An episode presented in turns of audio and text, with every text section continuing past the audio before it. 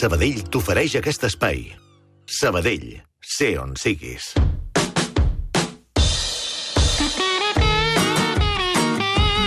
Entre paraules, Ramon Solsona, com estàs? Molt content després que aquest matí, eh, fi, no sé si diria primera hora, perquè la primera hora meva i la teva no són exactament Sí, home, les sí, és mateixes. la mateixa. Però, La eh, primera hora de tothom és quan, quan obres els ulls i el món comença a funcionar. Ja. No, no, aquella estona ja feia una estona que, que ja m'havia Ja llevat i menys estava funcionant. funció? Però que, quan has comentat que la sudcoreana Han Kang, que ha guanyat el Premi Sí. Booker a la millor novel·la traduïda a l'anglès, ha tingut un detall magnífic. és Molt dir, bonic. Escolti, eh, oi que això me l'han traduït a l'anglès i em donen Sí. el premi perquè està molt ben traduït a l'anglès? Doncs mira, Sí. em comparteixo el premi amb la Fantàstic. traductora. Això és I aleshores fantàstic. he sentit que, em sembla que amb la Marta Romagosa fèieu un elogi dels traductors. Jo he fet un elogi de, de la traductora de Marta Lebón, que és la traductora de Svetlana Alexievich, Efectivament. perquè tota l'obra de Raig Verd, que està publicada en Raig Verd de Svetlana Alexievich, realment, home, eh, t'arriba molt. I quan t'arriba molt vol dir que la traducció està ben feta. Perquè, És que està- sí, perquè és molt eh, complicat traduir això. I tenia moltes ganes d'aprofitar això i dir, home,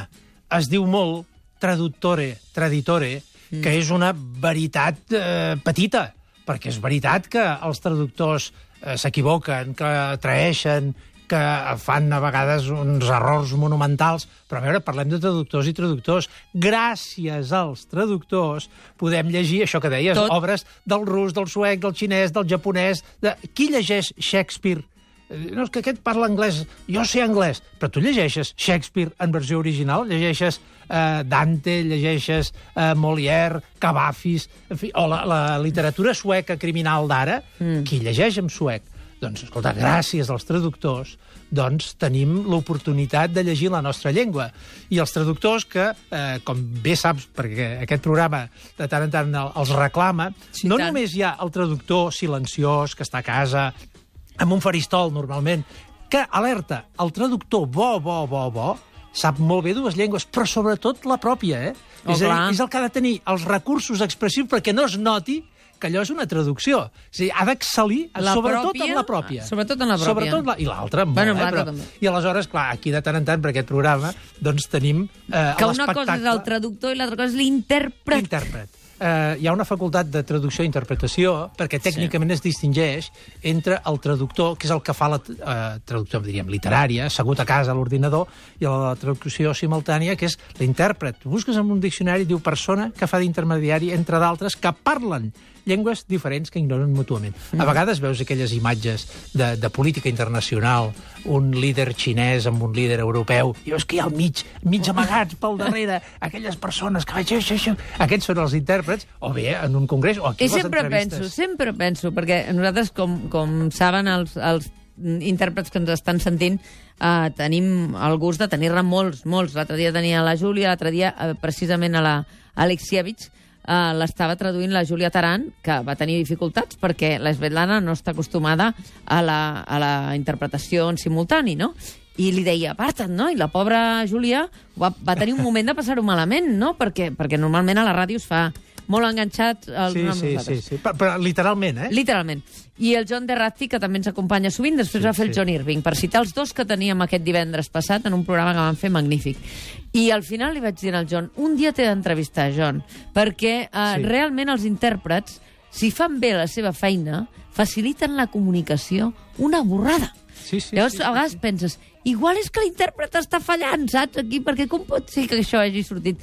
A vegades, eh, normalment no, eh? No és culpa mai d'ells però tenen tants secrets per poder-los explicar als intèrprets. Saps que no Molts, poden, molts, eh? i a més no a poden, tenen una, un codi pel qual no et poden explicar cap interioritat del que senten. No, però uh, hi ha molta feina, molta, molta, Molta, feina molta. prèvia de treball dels temes que tractaran, que moltes vegades són tècnics, aquests de, Sí. de Brussel·les o Estrasburg, que és molt avorrit, però s'han de preparar els temes, i a més a més fan exercicis, això m'ho han explicat, exercicis constants de lectura i d'estar al dia de les llengües, i especialment també de, dels col·loquialismes en cada llengua. Ho aprofito per fer aquest homenatge als traductors Fet intèrprets i per dir que en que català fet. i que en català tenim una paraula molt específica, molt, molt, molt... Eh, que, diríem, ens va molt bé per tota la tradició que té la literatura catalana de Mm. grans autors que han traduït, penso en Carné, Sagarra, Miquel Desclot, Riba, Joaquim Mallafré, Salvador Oliva, és la paraula torcimany. El torcimany és una paraula documentada ja al 1270, mm. que és eh, una paraula àrab d'origen segurament hebreu, i què significa això? Qui és el, el gran turs, el Turcimany, Anselm Tormeda?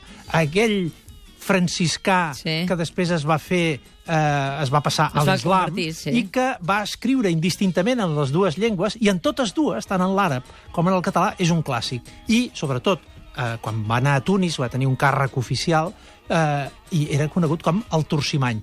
Turcimany, eh, Trujamà, en castellà també es diu, eh, Truchimant, eh, Trujamant. És una paraula que a vegades la veuràs en contextos cultes o molt literaris, mm -hmm. que és allò de dir, és que aquest és un torcimany, vol dir una persona que sap interpretar. I acabo només amb una referència a la maledicció d'una cosa que és molt bona, però que, que és la traducció automàtica. És a dir, quan tu Ai, eh, la busques... traducció i quan et automàtica. Diuen, Quins moments tan divertits ens ha Oh, i donat a la tant, premsa. I tant, no, no, i en els llibrets d'instruccions, a vegades... Sí, el que passa és que a la premsa, segurament, les edicions en català de La Vanguardia o del Periódico no s'haurien pogut fer, perquè són dos diaris que van néixer en castellà i van incorporar el Periódico fa molts més anys que La Vanguardia, però no es podria fer, no? No, no Sí, es sí, podria sí. fer si no fos així, perquè hi ha gent que escriu un, de manera natural en castellà o en català, no?